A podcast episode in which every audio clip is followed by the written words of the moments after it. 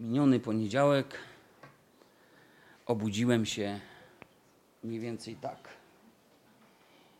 I długo nie mogłem podnieść swojej głowy. Coś mi weszło w plecy.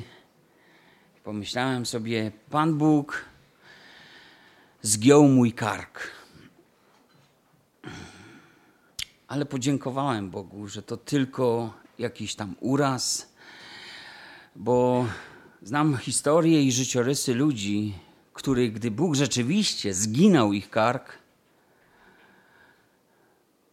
to nawet plackiem leżeli na posadzce, na podłodze i wołali do Boga, aby okazał swą litość. Domyślacie się, że to było raczej w sytuacjach, w których ludzie nie okazali, nie okazali Bożej bojaźni, zgrzeszyli i postanowili umiłować swój grzech. Czy jesteś, czy jestem bogobojnym człowiekiem? Druga księga Mojżeszowa, 20 rozdział, od 18 wersetu do 21. A gdy wszyscy lud zauważył grzmoty i błyskawice i głos trąby i górę dymiącą, zląkł się lud i zadrżał i stanął z daleka. I rzekli do Mojżesza, mów ty z nami, a będziemy słuchali. A niech nie przemawia do nas Bóg, abyśmy nie pomarli. Wtedy rzekł Mojżesz do ludu, nie bójcie się, bo Bóg przyszedł, aby was doświadczyć i aby bojaźń przed Nim była w was, byście nie grzeszyli. Lecz lud stał z daleka, a Mojżesz zbliżył się do ciemnego obłoku, w którym był Bóg. Odczytany, drodzy, fragment dotyczy tej chwili, w której Izrael otrzymuje, usłyszał na własne uszy dziesięcioro przykazań. Więc jest to podniosła chwila. I w tej podniosłej chwili możemy obserwować lęk tych ludzi z powodu manifestacji bliskości Boga, który do nich przemówił. A kiedy Bóg przemówił swoim słowem, to oni obawiają się o swoje życie i proszą Mojżesza, żeby przekazanie tego prawa odbywało się za jego pośrednictwem. Boją się, że zginą. Tylko od tego, że Bóg przemówił. Mojżesz zaś uspokajał ich i wyjaśniał, że nie poginą, ale to ich doświadczenie Boga, ono nie jest po to, aby ich przestraszyć, ale po to, by powstrzymywali się od grzechu, skoro Bóg objawił im swoją wolę. Aby wiedząc o tym, jaki jest Bóg, a to tylko odrobina tego, czego doświadczyli, aby była w nich bojaźń Boża. I dziś chciałbym mówić właśnie o bojaźni przed Panem. Dlatego tak zatytułowałem sobie to kazanie, bo takie pytanie stawiałem najpierw sobie: czy jestem, czy jesteś bogobojnym człowiekiem? Podejrzewam, że większość z nas za takich ludzi w jakiejś mierze się może uważać, no choć żaden nie przypisze sobie doskonałości w tym względzie.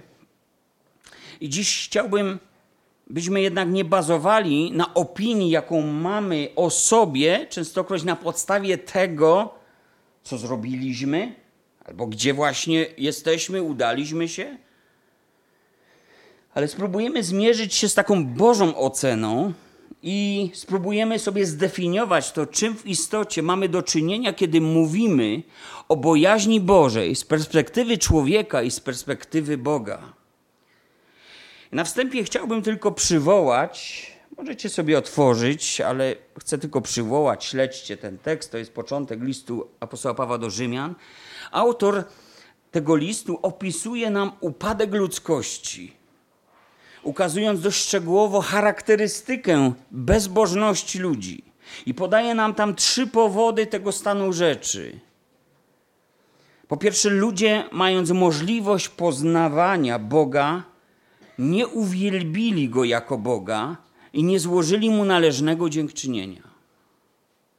Po drugie, ludzie zamienili sobie Boga prawdziwego na fałszywego, na jakiś wytwór swojej fantazji. Oddawali cześć i służyli temu, co sami stworzyli, co sami wykreowali.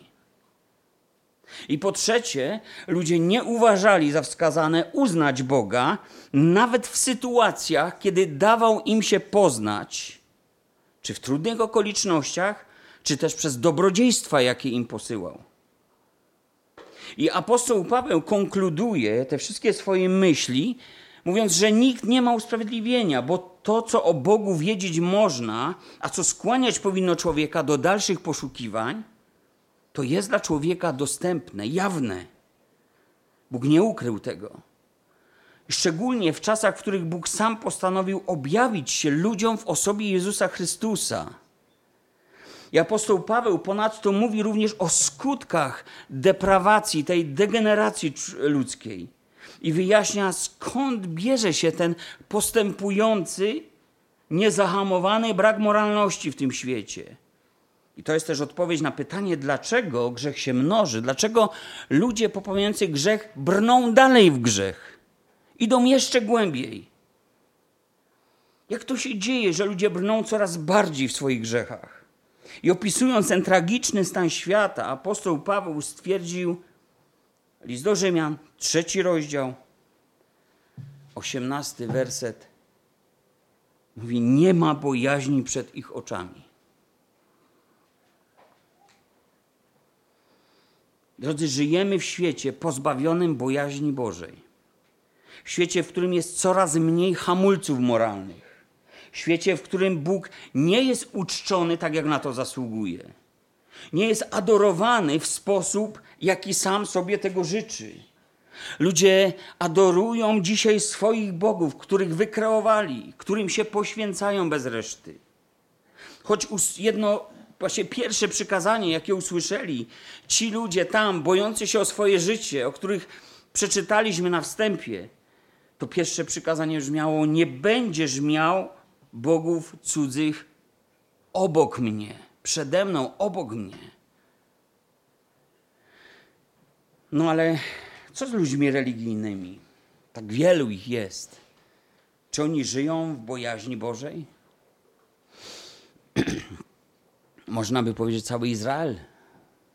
To byli ludzie religijni za czasów Jezusa. Ludzie religijni zazwyczaj mieli się za bogobojnych, a uważali się za takich, ponieważ wydawało im się, że gdy uznają kogoś większego od siebie, to w ich odczuciu to ich uprawniało do tego, aby w swoim sumieniu myśleć dobrze o sobie. Dzisiaj moglibyśmy powiedzieć o takim religijnym człowieku: no przecież chodzę do kościoła, no przecież daję na ofiarę, no przecież mam udział na przykład w sakramentach, no przecież staram się czynić dobro, przecież wychowuję dzieci na porządnych ludzi, przecież nikogo nie krzywdzę. Jednak zastanówmy się, czym jest bojaźń Boża w takim na przykład kontekście. W naszych współczesnych przekładach Biblii, wiecie, można zgubić się szukając jakiejś jasnej, wyraźnej, jednoznacznej definicji bojaźni, gdyż nasz język niestety jest ubogi w stosunku do tego, którego używali autorzy Starego czy Nowego Testamentu. A on lepiej wyrażał, co mają na myśli i czego nie mają. Lepiej określał jakby głębie tego, z czym chcą nas zapoznać, do czego przybliżyć. I tak bogobojność w Biblii może oznaczać również religijność. Korneliusz, setnik kohorty rzymskiej, był człowiekiem pobożnym i bogobojnym, dzieje 10 rozdział drugi werset. Był sprawiedliwym i cieszącym się uznaniem całego narodu żydowskiego, dzieje 10 rozdział 22 werset. I w opisie tego, co składało się na tą jego bogobojność, znajdziemy tam modlitwy, jałmużny, i możemy też domniemywać, że, że on po prostu przeszedł na judaizm, był człowiekiem religijnym, kultywował tradycje żydowskie, otaczał szacunkiem świętości wynikające z pism prorockich i tory. I apostoł Piotr, gdy poznał go osobiście w jego domu, pokonując przy tej okazji pewne uprzedzenia religijne, jakie Żydzi mieli do pogan, to on mówi w jego domu, to mamy w 10 rozdziale 34 wersecie, mówi Bóg nie ma względu na osobę, lecz w każdym narodzie miły mu jest ten, kto się go boi i sprawiedliwie postępuje. Zanim przyszedł Piotr do tego domu, czy można powiedzieć, że ten człowiek był człowiekiem zbawionym? Oczywiście, że nie. Czy ludzie religijni mają bojaźń Bożą? Czy nam się to podoba, czy nie, wynika z tego, że mają. Ale jak informuje nas tekst źródłowy, ta bogobojność raczej wynika z lęku przed majestatem Boga i z lęku przed karą. Więc cała ta obrzędowość, pieczołowitość w sprawowaniu religii wynika z takiej przezorności, by nie urazić Boga, zsyłając przez to na siebie sąd. No takimi na przykład byli Ateńczycy, choć, choć żyli w pogańskich wierzeniach. Widzę, żeście ludźmi nadzwyczaj pobożnymi. I Paweł tam mówi, w pewnych przekładach jest to wyraźniejsze niż w Biblii Warszawskiej, w tym przekładzie, mówi o ich przezorności, bo w tej religijności swojej byli tacy przezorni, mieli pewien taki respekt. No, jeszcze jednemu Bogu należy się ołtarz, którego nie znamy. Ludzie religijni boją się sądu Boga, reakcji Boga na zło, które czynią. Dlatego wykonują to, czego ich nauczono. Chcą, aby jakaś miara dobrego przeważyła miarę złego. I potrafią być w tym bardzo dokładni, skrupulatni, poświęceni, oddani. A Bóg mówi: W każdym narodzie miły jest ten, kto się go boi. A więc tutaj mamy do czynienia z pewnego rodzaju respektem. Więc sama ta postawa, bez oceny nawet systemu religijnego, jest czymś pozytywnym w Biblii. Można by powiedzieć, że system religijny, jakikolwiek by nie był, wykorzystuje to, co w wielu ludziach jest naturalnego. W wielu ludziach naturalnie jest w ich wnętrzu, bo to wynika z ich świadomości Boga. Bać się Boga tak jak ludzie otrzymujący dziesięć przykazań, o których czytaliśmy, to był dobry punkt wyjściowy, bo to było doświadczenie świętości Boga, majestatu Boga. Byli tym przejęci, przeszywał ich lęk. Doświadczali kogoś tak wielkiego i zdawali sobie sprawę, że są jak, jak taki piasek, jak takie ziarenko piasku. Czymże jest człowiek, że o nim pamiętasz? Mówi psalmista, mówiąc o wielkości, wszechmocy Boga. Niestety to jeszcze nie jest bojaźń Boża, której oczekuje Bóg w społeczności ze sobą. W innym przypadku nie spotkalibyśmy w nauczaniu apostoła Jana następującego stwierdzenia. Posłuchajmy. Pierwszy list Jana, czwarty rozdział, osiemnasty wers. W miłości nie ma bojaźni. Wszak doskonała miłość usuwa bojaźń, gdyż bojaźń drży przed karą. Kto się więc boi, nie jest doskonały w miłości. Nie widzimy tutaj tego, co widzimy w całym przekroju Biblii, mianowicie, że bojaźń jest pożądaną jednak cechą człowieka, który rozpoczyna społeczność z Bogiem. Zdaje sobie sprawę, kim on jest i zdaje sobie sprawę, kim jest Bóg. I to zostaje jakby na początku ustalone. Zatem o co chodzi Janowi, gdy Bóg, gdy mówi te rzeczy, które z pozoru wydają się jakby stały sprzeczności do tej całej reszty mm, tekstów o bojaźni Bożej? Otóż, drodzy, użyte tutaj przez Jana na określenie bojaźni słowo w Grece, w której był napisany pierwotnie ten list, to słowo to phobos. Oznacza pewną fobię, lęk, strach, jakąś permanentną, nieusuwalną obawę przed Bogiem. Pewien sposób myślenia o Bogu, nacechowany jakąś niepewnością, jakimś zaniepokojeniem, że może ten Bóg mnie ukarać, że jestem dla tego wielkiego Boga, tak jak może ty, który widzisz małą mrówkę, która idzie obok. Tak łatwo jest ją nadepnąć. Tak łatwo jej nie zauważyć. Może ten Bóg mnie ukaże. A co jeśli coś trzeba zrobić, by uśmierzyć jego gniew? Coś może jeszcze nie zostało zrobione, by tego Boga utrzymać w jakimś zadowoleniu. I wiecie, takiej bojaźni towarzyszy brak pokoju, niepewność, ciągła troska o to, by, by wszystko zrobić. I to jest taki często spotykany obraz w Starym Testamencie, ale obraz wynikający z perspektywy, jaką ma człowiek. Z perspektywy człowieka, który zdaje sobie sprawę z tego, czym jest Boży gniew, kiedy on się wylewa. I człowiek pragnie uśmierzyć ten Boży gniew. Kto tak postrzega Boga, nie będzie mógł z nim nawiązać oczekiwanej przez niego relacji, jaką przyniósł nam Jezus Chrystus. I to jest ta myśl w liście Jana. Bo podstawą społeczności z Bogiem w Chrystusie jest miłość, a nie bojaźń. Bojaźń drży przed karą, mówi Jan. Kto się więc ciągle czegoś obawia w tej relacji z Panem, nie wydoroślał jeszcze, bo to słowo doskonały również oznacza dojrzały, dorosły, więc nie wydoroślał jeszcze i nie dojrzał w miłości, jaką On nam okazał w Jezusie Chrystusie. O co więc chodzi w tej pożądanej i oczekiwanej bojaźni? Bo przecież miłość nie usunie tego, co dotyczy bojaźni. Drodzy, i tu jest pewien klucz. Innym słowem, na określenie bojaźni, które spotykamy w biblijnej Grece, jest słowo teosebeja, gdzie theos oznacza Bóg, a sebeja oznacza żywienie głębokiej czci, taki pobożny szacunek, może nawet święty respekt, takie uhonorowanie, uznanie godności, docenienie, wyróżnienie, wywyższenie. I pismo powiada: oddawajmy cześć Bogu tak, jak mu to miłe, z nabożnym szacunkiem i z bojaźnią. Hebrajczyków 12:28.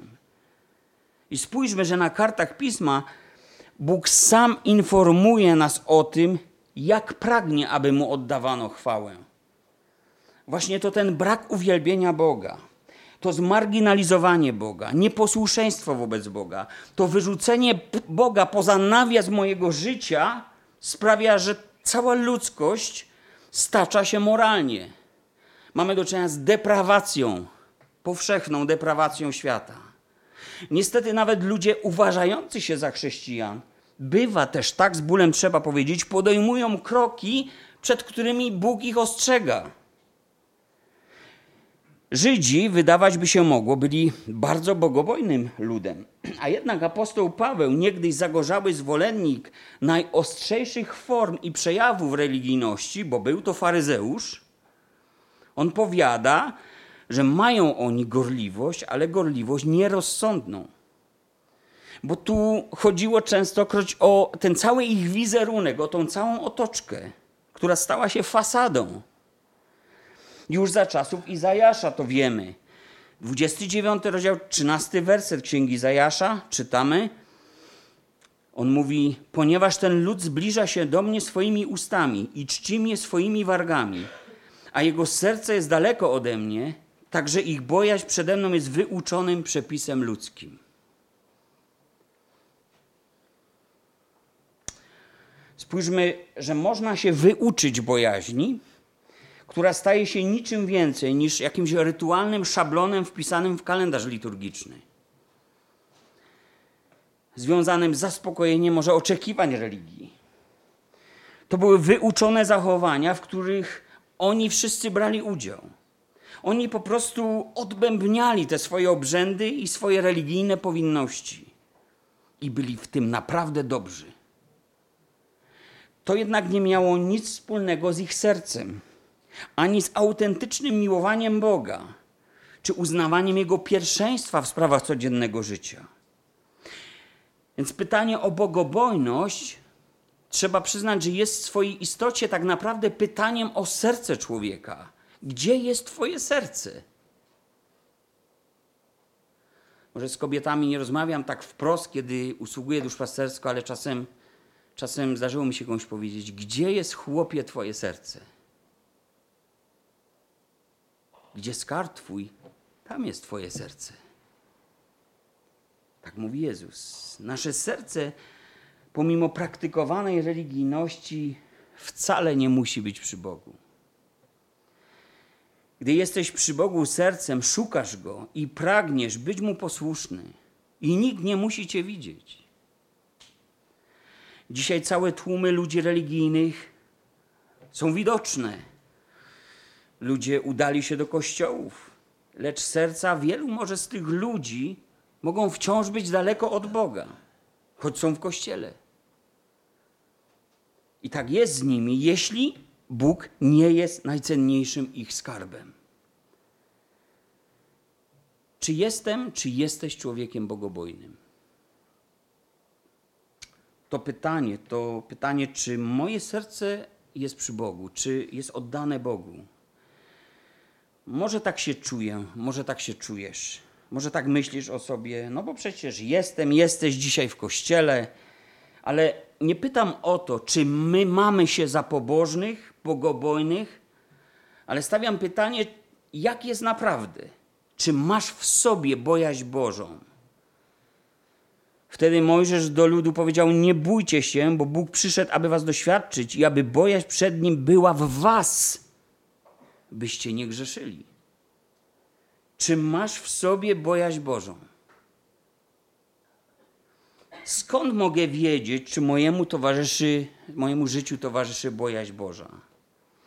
Na szczęście Biblia jest dla nas takim wzornikiem, pozwalającym nam to zmierzyć, zobaczyć w świetle Bożego Słowa. Bóg nam to ukazał na wielu przykładach. Dzisiaj tylko kilka. Zwróćmy się do początków. Księga Joba. Pierwszy rozdział, pierwszy wers. Jak on brzmi? Był mąż w ziemi Uz imieniem Job, a mąż ten był nienaganny i prawy, bogobojny i stroniący od złego. Bóg kilka wersetów dalej potwierdza nam, składa sam świadectwo o tym, że Job był nienaganny i prawy, bogobojny i stroniący od złego. Ósmy werset. Rzeczywiście on takim był. Hebrajskie słowo jare, użyte w obu tych miejscach, oznacza bycie pełnym szacunku. To słowo oznacza pewną wewnętrzną obawę przed czymś niemoralnym, obrażającym Boga. Ten człowiek poświęcał cały swój dom Panu, składając ofiary Bogu na wypadek nawet tego, gdyby któryś z jego synów znieważył Boga w swoim sercu. Już niekoniecznie jakimiś czynami karygodnymi, ale w swoim sercu, na wypadek. Wiemy, że pomimo tego, kim był Job dla Boga, przyszła na niego wielka próba, gdyż szatan rzucił oszczerstwo, mówiąc Bogu, czy za darmo jest ci Job bogobojny? Szatan poddał wątpliwość szczerość Joba w tej relacji z Bogiem. Uważał, że ta bogobojność Joba nie jest dobrowolna, jest, nie jest powodowana bezinteresownością. Job jest z tobą, bo ty mu błogosławisz i boi się to wszystko stracić. Gdyby tego nie miał, złorzeczyłby ci to. Sprawdź to. Tak szatan mówił do Boga. I widzimy, że on chciał przypisać mu intencję, że ta bojaźń Boga jest motywowana strachem przed utratą dóbr, błogosławieństwa, tego, co się liczy w takim doczesnym życiu. A czy to była prawda o Jobie? Hmm. Trudno nam odpowiedzieć na wszystkie pytania, patrząc na tamten tekst. Ale zadawalam się tym, że widocznie nie było innej możliwości, żeby się szatan odczepił od Joba. I Bóg mu to udowodnił, wyoślił mu to. Może my nie doświadczamy tak ekstremalnych prób, jakie przeszedł Job, ale często te nasze próby są testem tego, kim naprawdę jesteśmy. Czy jestem, czy jesteś bogobojnym człowiekiem? W tej wielkiej próbie, gdy żona Joba załamała się całkowicie, widzimy go jako człowieka, który akceptuje tak straszną, tragiczną rzeczywistość, bo nie wzbrania się przyjąć od Boga wszystkiego, co na niego przyszło. On widzi Boga jako tego, który to wszystko dopuścił do niego, choć nie zna powodu, nie rozumie tej sytuacji, nie znajduje też w sobie winy.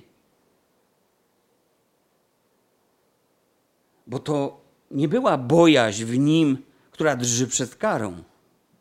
Nie znajduje sobie winy i nie wie, że to oskarżyciel rzucił na niego oszczerstwo i postanowił poddać go próbie. Job mówi w tym swoim głębokim doświadczeniu do swojej małżonki, drugi rozdział, dziesiąty wersy tej księgi, dobre przyjmowaliśmy od Boga, czy nie mielibyśmy przyjmować i złego? W tym wszystkim nie zgrzeszył Job swoimi usty. Bogobojność, o jaką chodzi Bogu, nie jest powodowana strachem przed Nim, ani żadną korzyścią lub obawą przed utratą czegokolwiek. To ma raczej do czynienia z moim moralnym standardem życia, z wartościami, którymi się nie sprzeniewierzam. Cokolwiek by się w moim życiu nie działo. Obojętnie, co mi dolega, co mi doskwiera, co mnie gniecie, ja będę wierny Bogu. Bo mam bojaźń ze względu nie na to, co mi się w życiu dzieje, ale ze względu na to, jaką wartością jest dla mnie Bóg. Weźmy inną postać biblijną, która też pomaga nam zrozumieć, skąd się bierze bogobojność, czym ona jest. Abraham. Mówiąc o nim, skłaniamy się raczej, by zobaczyć go jako dziedzica obietnic danych przez Boga. Abraham przecież jest ojcem wiary wszystkich ludzi wierzących. Ale czy ktoś zauważył z Was, że otrzymał on również świadectwo od Boga, że był bogobojny? Dowiadujemy się o tym dopiero, gdy jest już on ojcem dwóch synów. Wiele czasu musiało upłynąć, zanim Abraham zrozumiał swoje błędy życiowe, otrzymał od Boga świadectwo swojej bogobojności. Taki certyfikat. No miłe, nie? Kiedy Bóg się o kimś tak wypowiada. Certyfikuje moją bogobojność. Że nie muszę sobie tego, nie muszę sobie tego wmawiać. To jest prawda o mnie. Jako ponadstoletni starzec doświadcza wtedy wyjątkowo trudnej próby, która ukazuje ponad wszelką wątpliwość, że mamy do czynienia nie tylko z wierzącym człowiekiem, ale także bogobojnym. On nie tylko wierzy Bogu na słowo, że cokolwiek Bóg powiedział, to zrobi, ale on temu słowu jest bezdyskusyjnie posłuszny. Posłuchajcie, pierwsza Mojżeszowa, 22 rozdział, od 12 wersetu, krótki fragment. Szybko poznacie, jaki to moment życia Abrahama. I rzekł: Nie podnoś ręki na chłopca i nie czyń mu nic, bo teraz wiem, że boisz się Boga, gdyż nie wzbraniałeś się ofiarować mi jedynego syna swego. A gdy Abraham podniósł oczy, ujrzał za sobą barana, który rogami uwikłał się w krzakach. Poszedł tedy Abraham, a wziąwszy barana, złożył go na całopalenie zamiast syna swego i nazwał Abraham to miejsce Pan zaopatruje. Dlatego mówi się po dziś dzień, na górze Pana jest zaopatrzenie. Potem zawołał anioł pański powtórnie z nieba do Abrahama, mówiąc: Przysiągłem na siebie samego, mówi Pan, ponieważ to uczyniłeś i nie wzbraniałeś się ofiarować mi jedynego syna swego, będę ci błogosławił obficie i rozmnożę tak licznie potomstwo Twoje jak gwiazdy na niebie i jak piasek na brzegu morza a potomkowie Twoi zdobędą grody nieprzyjaciół swoich. I w potomstwie Twoim błogosławione będą wszystkie narody ziemi za to, że usłuchałeś głosu mego. Zgodnie z tym, co tutaj czytamy, co widzimy, bać się Pana znaczy nie wzbraniać się przed tym, co jest w Bożych oczach słuszne, właściwe, dobre dla mojego życia. Abraham usłyszał, czego oczekuje od niego Bóg i nie miał wątpliwości, kto do niego przemówił. Lecz Bóg zażądał od niego czegoś, co trudno nam z naszej perspektywy w ogóle zrozumieć. On zażądał od niego, by poświęcił to, co kochał. Nie wiem, ktoś z Was był zakochany? No, my zazwyczaj mamy na myśli jakieś relacje między mężczyzną i kobietą. Ale ten tato, bo był tat, ojcem zakochał się w swoim dziecku. Na zabój powiedzielibyśmy. Wszystko był gotów poświęcić. To dziedzic, to syn wszystkich obietnic. Kochał i pragnął kochać. A Bóg wystawił tą miłość na próbę. I widzimy tutaj, że w jego życiu nie ma miłości ponad tą największą, jaką Abraham żywi do swojego Boga. Abraham zdaje się rozumieć przykazanie, które jeszcze zostało niewypowiedziane. Nie będziesz miał bogów cudzych obok mnie. Bo i dziecko może stać się bożkiem. I moje hobby może stać się bożkiem. I druga ukochana osoba może stać się dla mnie bożkiem. Tak wiele bóstw jest dzisiaj dostępnych w tym świecie. Pewnie ta historia, gdyby miała się wydarzyć dzisiaj na naszych oczach, to zrobilibyśmy chyba wszystko, aby powstrzymać Abrahama przed aktem zbrodni na swoim dziecku. Zrobilibyśmy tak, bo nie mamy doświadczenia Boga, jakie miał ten człowiek. Nie mamy poznania takiego, jakie miał ten człowiek. A kierowała nim wiara, bojaźń Boża i poznanie, jakie miał tego Boga, który z nim rozmawiał. Przemawiało tu 100 lat, ponad 100 lat doświadczenia. Ale popatrzmy, my mamy przecież swoje doświadczenia i mamy swoje poznanie, prawda? Czy gdy Bóg do ciebie, do mnie mówi przez okoliczności, a może przez posługę Kościoła, przez brata, siostrę, albo przez spisane przez proroków i apostołów święte słowo Boga, to czy wzbraniasz się przyjąć do swojego życia te wskazania, te napomnienia, jakąś ewentualną korektę? Czy przyjmujemy to, co słyszymy? Czy Słowo Boga zmienia naszą optykę na życie? Czy, czy ma wpływ na moje, Twoje spojrzenie, w jakim kierunku to życie chcesz, aby po, poszło? Czy pozwalasz, aby Słowo formowało Cię, kształtowało Twoje myślenie, zmieniało Twoje spojrzenie na świat, wpływało na Twoje wybory, miało udział w tym, jak patrzysz na wszystko, co Cię otacza? Jest tak? Ma Słowo taki wpływ? Abraham nie wzbraniał się, nie było w nim jakiegoś oporu, jakiegoś kombinatorstwa. Jak to zrobić, żeby to było po mojemu, a zgadzało się z tym, co Bóg? Abraham nie wzbraniał się, lecz wielu, o których Biblia mówi, niestety wzbraniało się. Kolejny przykład. Królowie Izraela. Jeden z nich. Byli bogaci, dobrze usytuowani, usadowieni, powiedzieliśmy, no, na szczycie Mieli dobrą pozycję społeczną, świetlaną przyszłość, posłuch. Jakie błędy popełniali? Drodzy, o królu Uzjaszu czytamy. Druga księga kronik, 26 rozdział, 5-6 wers. Czytamy: Czynił on to, co prawe w oczach Pana, zupełnie tak samo jak jego ojciec Amasjasz. I szukał on Pana, dopóki żył Zachariasz, który uczył go bojaźni Bożej. A dopóki szukał Pana, Bóg darzył go powodzeniem. Uzjasz to taki geniusz tamtej epoki. Zmienił postrzeganie niemal wszystkiego, co dotyczyło państwa, spraw kraju. E, to był boom gospodarczy, to był rozwój militarny tego państwa. On w nim kooperował jako król, zarządca. Osiągnął tak wiele sukcesów, odniósł tak wiele zwycięstw niemal na każdym polu zarządzania podległym mu państwem.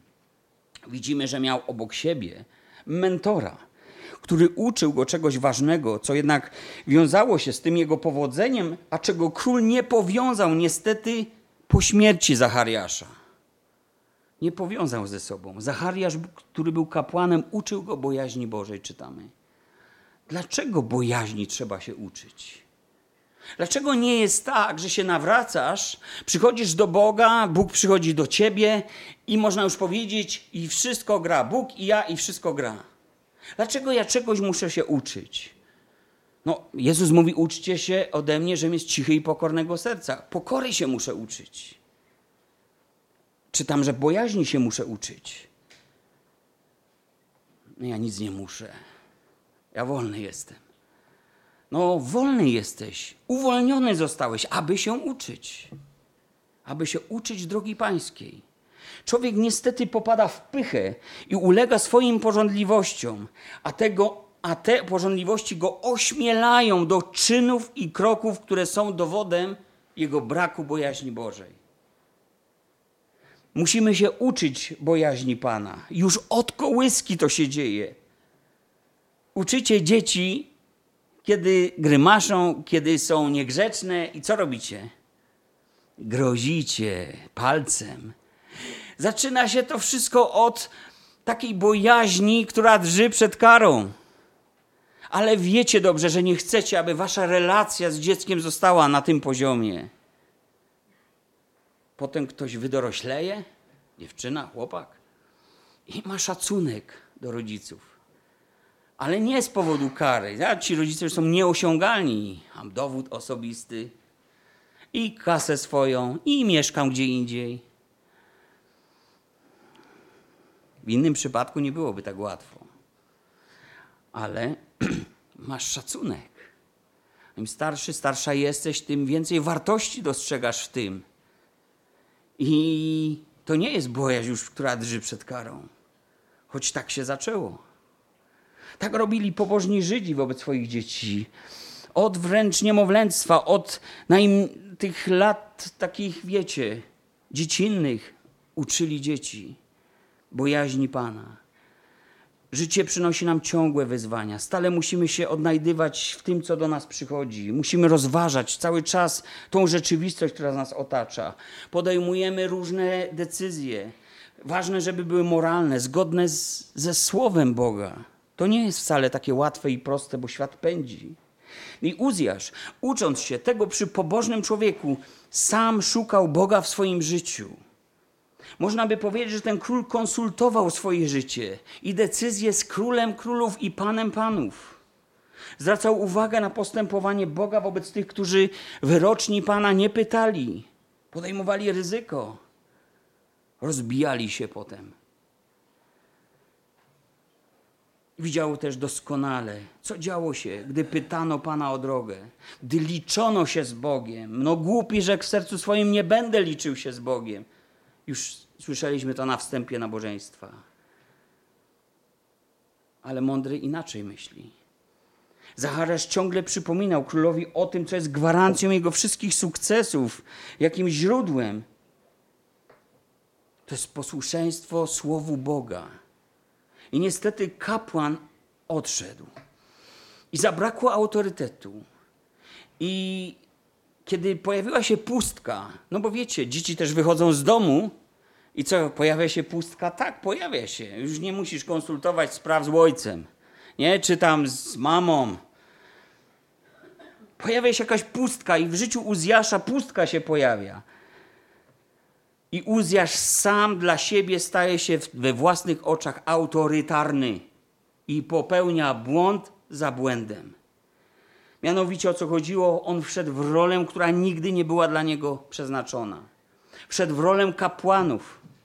Zaczął kadzić Bogu. Choć nie był ustanowionym ani do cenzorowania, ani do zastępowania kapłana. Oczywiście na jego drodze pojawiły się znaki ostrzegawcze. I na naszej drodze życia się pojawiają. Czasem są to znaki w rodzaju zwolnij, czasem są to znaki zatrzymaj się, a czasem zawróć. Najpierw był jeden znak, a potem wiele. Kilkudziesięciu kapłanów miało inne zdanie, żadnego z nich nie słuchał.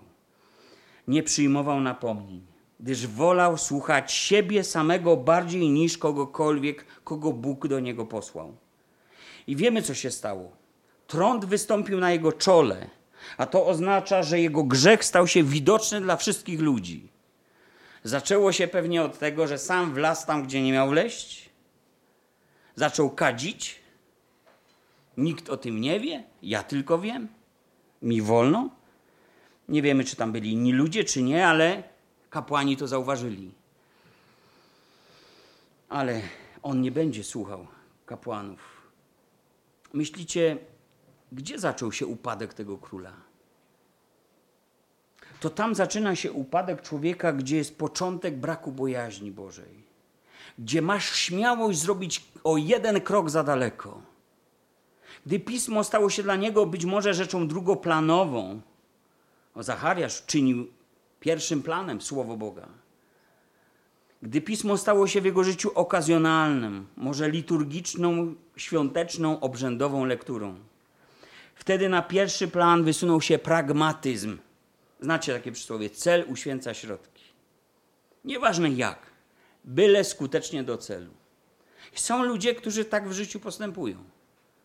Nie liczę się z Bogiem, nie liczę się z tym, co mówi Boże Słowo, liczy się mój cel, a cel mam szlachetny. Zachariasz nie był przecież jedynym kapłanem, którym można konsultować decyzje, otwierać i przeszukiwać pismo, co myśli Bóg o tym czy o tamtym. Ale król postanowił być sam dla siebie wyrocznią i zbłądził i upadł. I nie pochowano go tak jak innych królów wraz z ich ojcami, ale pismo mówi tam, że pochowano go obok. Obok znaczy, że on chybił celu, a grzech to nic innego jak chybić w swoim życiu celu. Wiemy, że Bóg pozostawił szczególne przykazanie królom Izraela. Wiemy, że mieli oni sporządzić swój własny odpis pisma i obowiązkowo studiować go każdego dnia. W jakim celu? Pamiętacie w jakim celu? Piąta Mojżeszowa, 17 rozdział o tym mówi. A gdy król zasiądzie na swoim królewskim tronie, niech sporządzi sobie na zwoju odpis tego prawa od kapłanów, lewitów i będzie go miał u siebie. I będzie go też czytał przez wszystkie dni swojego życia, aby nauczyć się bojaźni pańskiej przestrzeganie wszystkich słów tego prawa i spełniania tych wszystkich przepisów, aby serce jego nie wyniosło się ponad jego braci i aby nie odstąpił od przykazania ani w prawo, ani w lewo, aby był długo królem Izraelu, on i jego synowie. Dzisiaj każdy, jeśli można tak powiedzieć, ma własny odpis. Królami jesteście. Macie wydrukowaną kopię pisma w tłumaczeniu dla każdego z Was zrozumiałym. Wszyscy mamy dostępną Biblię, która zawiera Słowo Boga. Pytanie jednak jest takie: jaki z niej robimy użytek? Czy używamy jej? Czytamy, rozważamy, przypatrujemy się Bogu, czy wyciągamy wnioski z błędów ludzi, czy uczymy się czegoś o postępowaniu Boga z człowiekiem? Pismo mówi, że to, co czytamy o ludziach Starego Testamentu, jest nam pozostawione dla przykładu, dla pouczenia, byśmy mogli wyciągać wnioski z ich życiorysów, doznawać pocieszenia, wzmocnienia, zbudowania. Chodzi na pewno o nasze codzienne wybory, decyzje, o nasze życie. Więc czy pytasz, czy pytamy Boga, gdy masz ważną decyzję przed sobą? A gdy Bóg odpowiada nam, czy liczymy się z Jego zdaniem, gdy okazuje się, że myśli Boże to nie myśli nasze, drogi Boże to nie drogi nasze. Czy dokonujemy korekty wtedy w swoim życiu? Czy staramy się skalibrować ten swój GPS ponownie według wzorca, którym jest pismo? Biblia dzisiaj, jak niegdyś, odpis pisma w, użyciu, w życiu Uzjasza, może stać się taką nieobecną księgą, zapomnianą, zakurzoną, okazjonalną, zmarginalizowaną, na niedzielę zepchniętą na dalszym planie. Bo liczą się cele moje w życiu, ambicje i cele. Czy my w ogóle rozumiemy, że czytanie, rozważanie, rozmyślanie, medytowanie nad pismem, a nawet zapamiętywanie słowa, czym byli Żydzi mistrzami, że to jest szukanie Boga, o którym mówi Biblia? No bo jak miałbym go znaleźć? Gdzie? Powiedzcie mi, gdzie jest Bóg? Powiecie, w naturze się objawia. Ale nie tylko w naturze. To jest początek. Pismo objawia go. Chrystus objawił go. To jest szukanie Boga. I w ten sposób uczysz się bojaźni Bożej nabywasz poznania Boga, co jest dla mnie, dla Ciebie zabezpieczeniem, aby nasze serce nie wzbiło się w pychę ponad braci. Czasem ludzie mówią do pastorów, bo Ciebie nie ma kto napomnieć.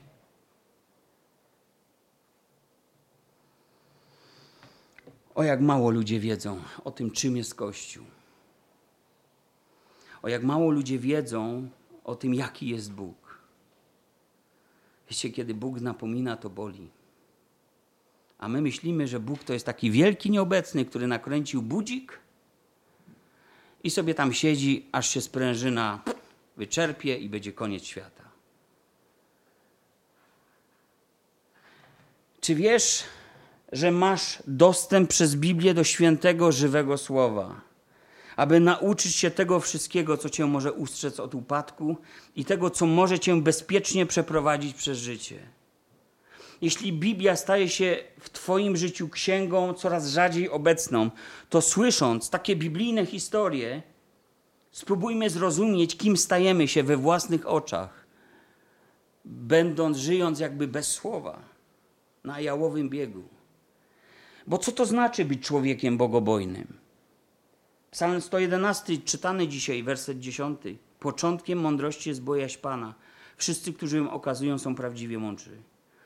Mądrość to umiejętność zastosowania we właściwym czasie tego, co się wie, w tym przypadku o Bogu.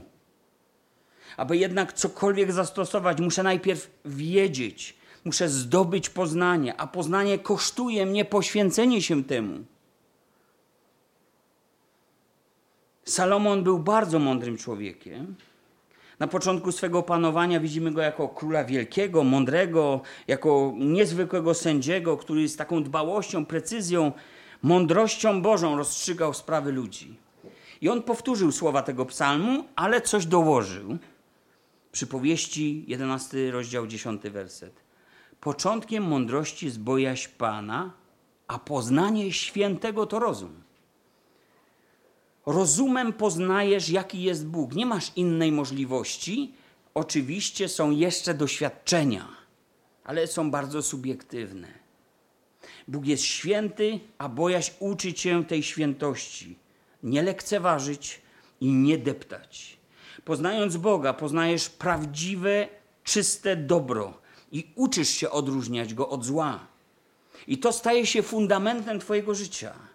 I wiemy, że człowiek sam chciał osiągnąć poznanie dobra i zła bez Boga. Tak było w ogrodzie Eden.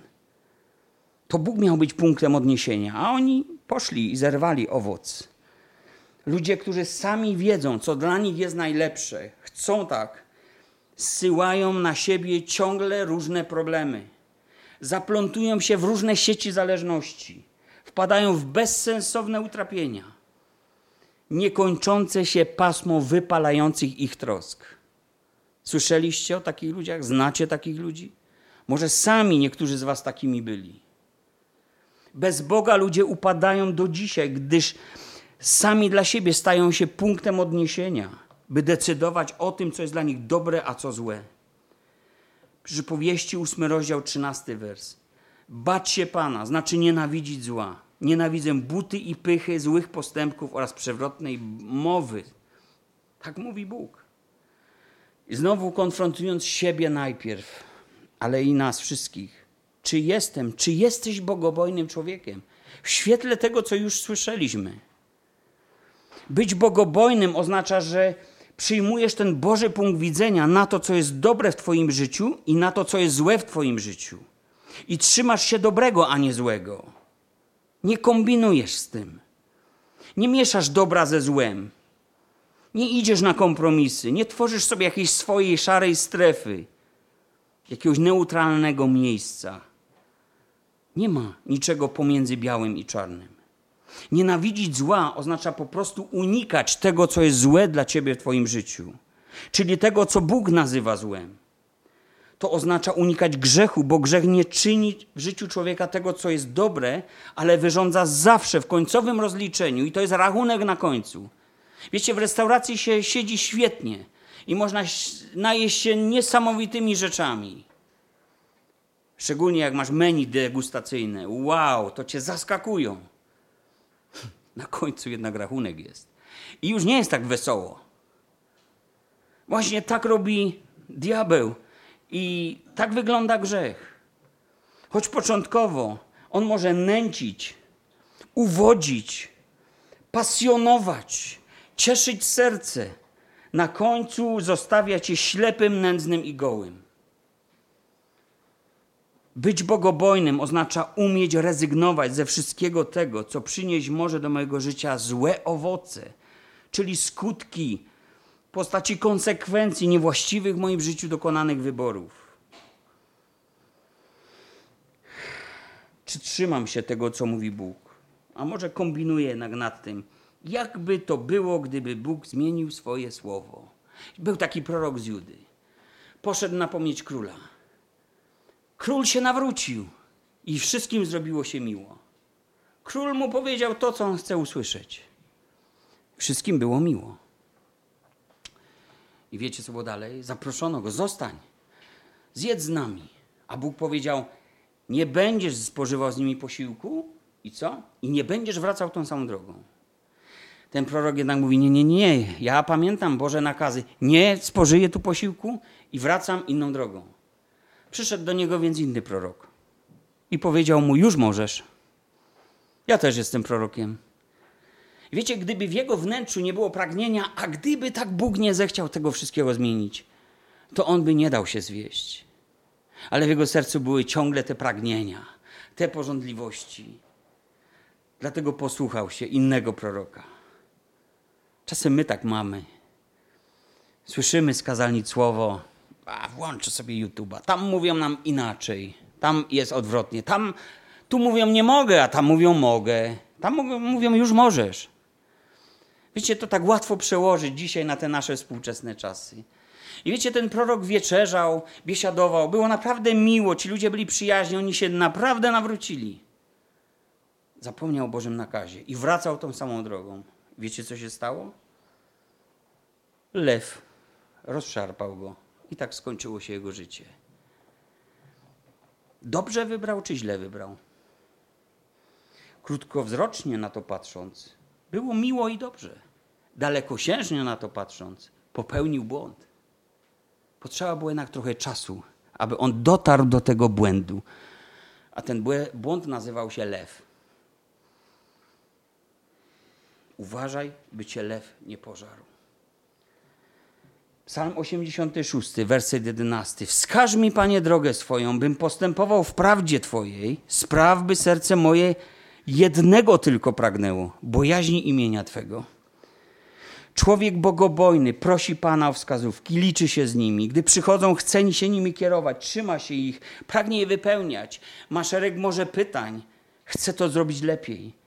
On wręcz modli się o to, widzimy, aby jego serce nie pragnęło niczego innego, a serca nasze mają wiele pragnień w sobie, nie pragnęło niczego innego, jak tylko bojaźni Bożej. I to jest dobra modlitwa, bo nasze serca są pełne ambicji, myśli, pożądliwości, pragnień, tego, co dla nas niekoniecznie jest dobre.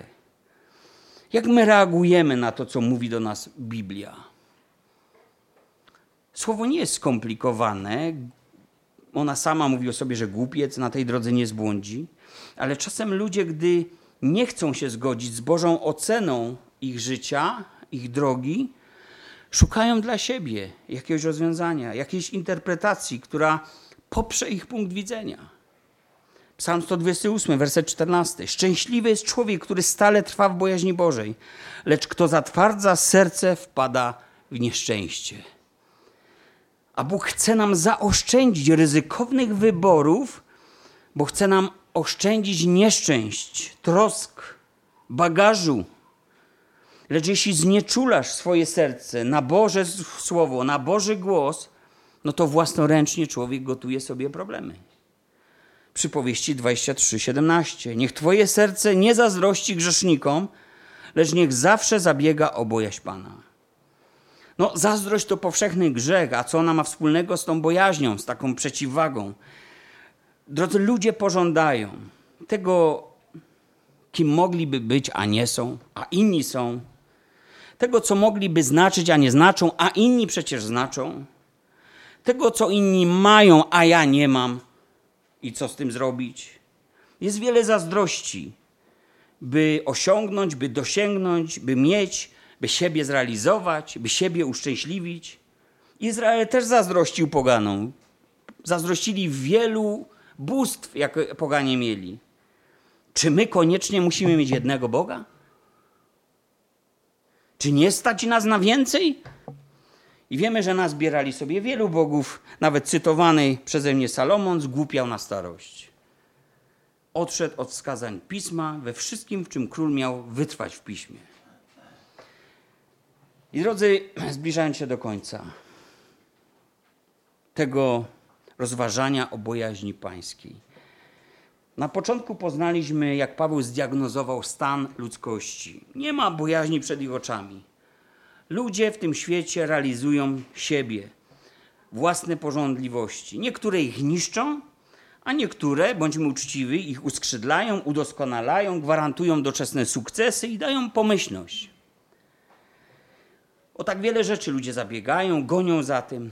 Zabiegają o pozycję, o tytuły, pieniądze, wygodę, miłość drugiej osoby, przyjaźnie, koneksje, układy, a kiedy to osiągną, to jeszcze więcej trzeba wysiłku, aby tego nie utracić.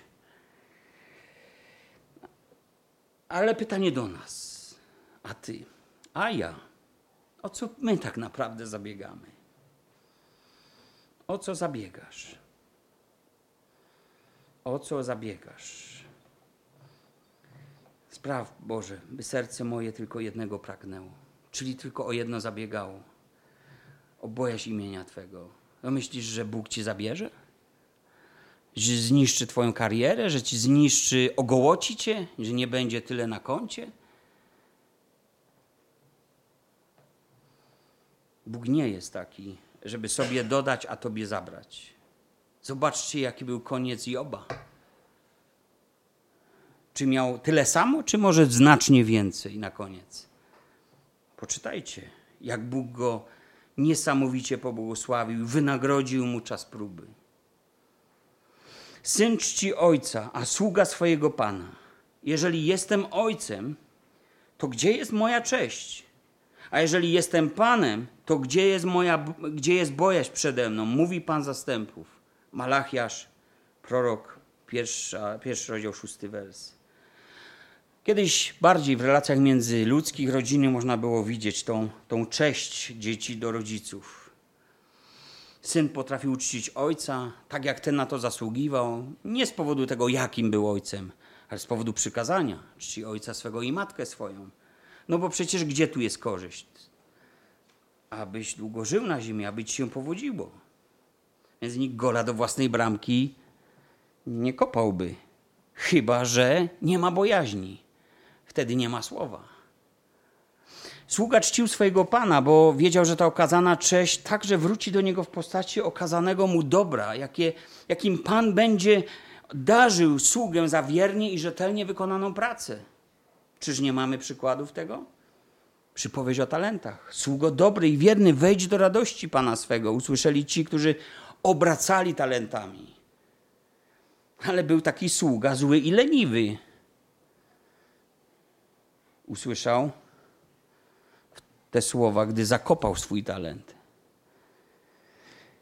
A Bóg był ojcem Izraela, tak się przedstawił, więc oni organizowali dla niego dni świąteczne, chodzili do świątyni, składali mu ofiary, wiele, wiele innych rzeczy robili i przynosili to wszystko do świątyni, a Bóg mówi, że to było liche, chrome, kulawe, takie resztki, takie ochłapy.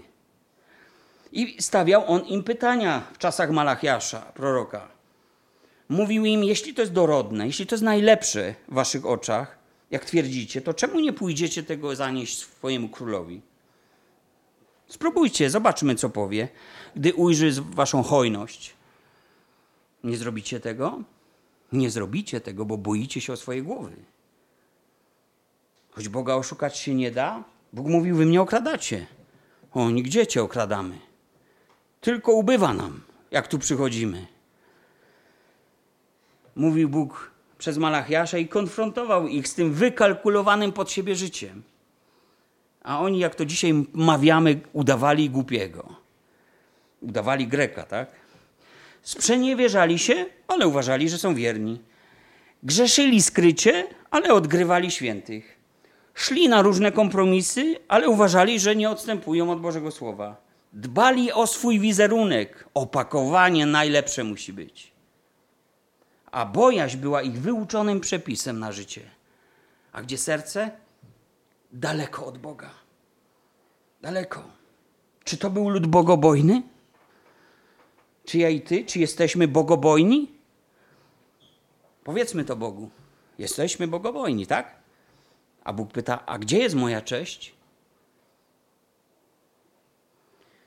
Ci ludzie w tamtych czasach byli już tak zdeprawowani, tak ślepi, że nie było różnicy między światem a nimi. Byli nawet gorsi niż świat, bo świat postępuje w niewiedzy, a oni znali pisma i znali słowo i wiedzieli, co Bóg oczekuje, a mimo tego tak postępowali.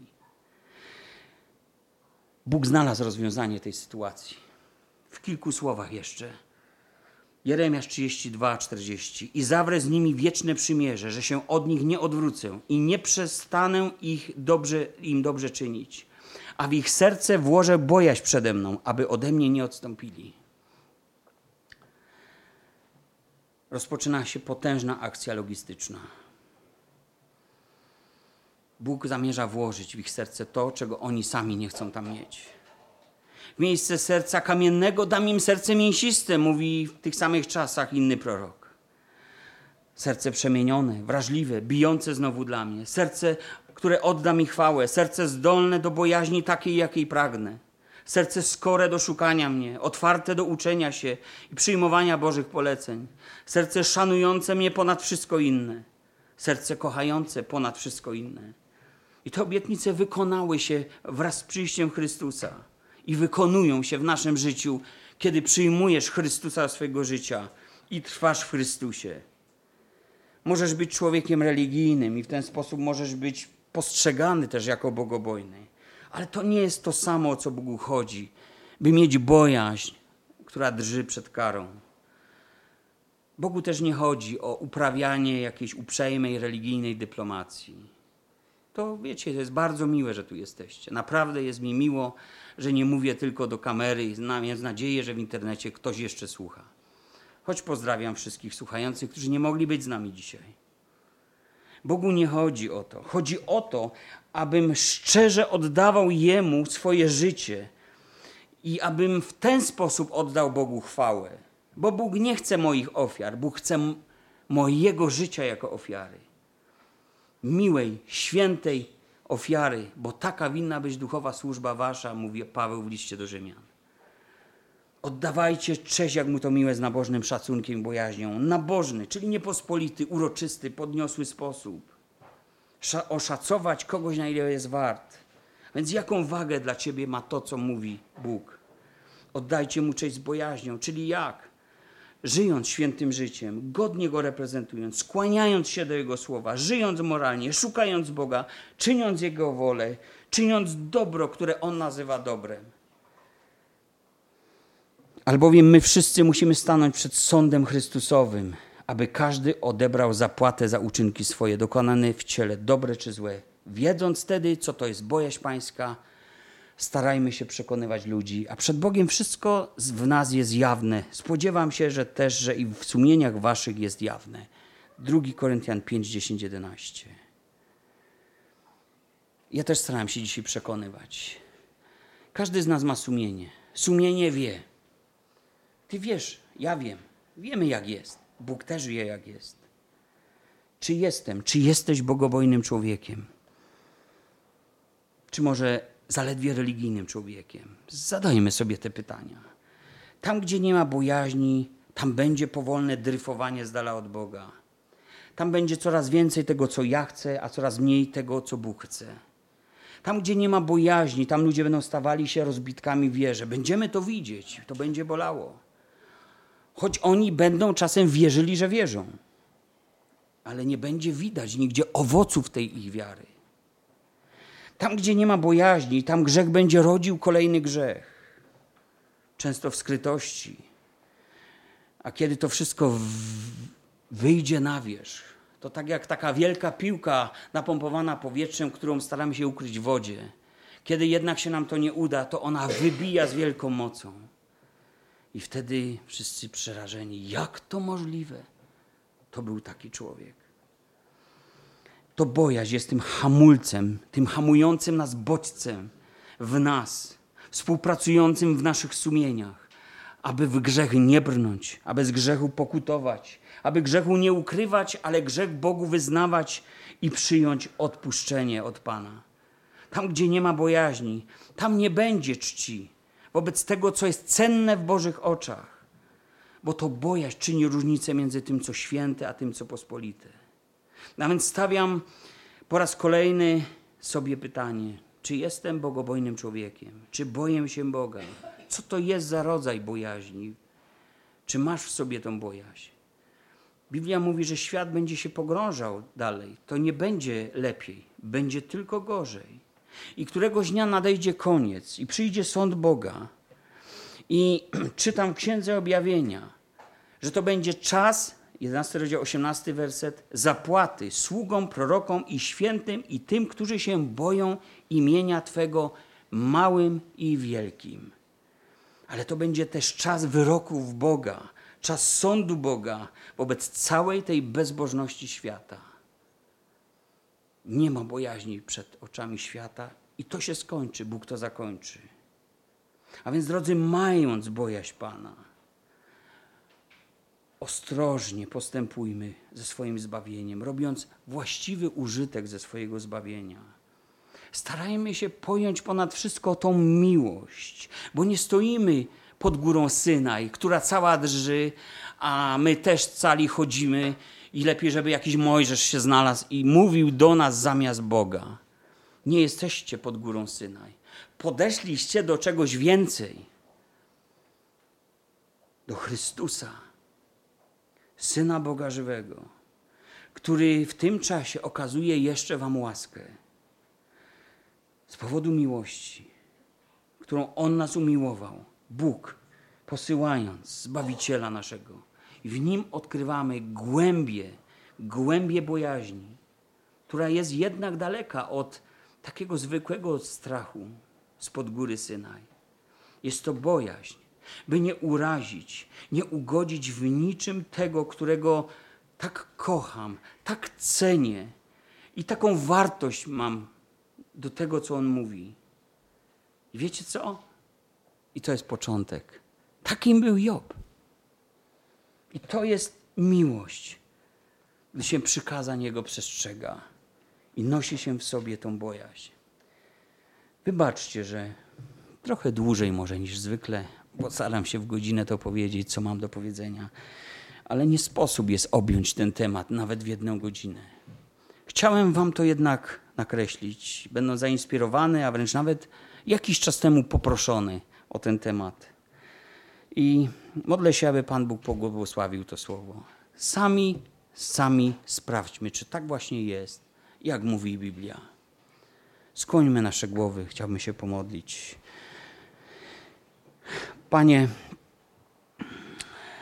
choć czytaliśmy, że jesteś świętym i strasznym Bogiem, choć czytamy i widzimy, że lud, który stał przed Twoją świętą górą, drżał i bał się o swoje życie. Panie, widzimy niesamowity cud, że Ty przemieniasz serca ludzi poprzez swojego Syna, którego posłałeś.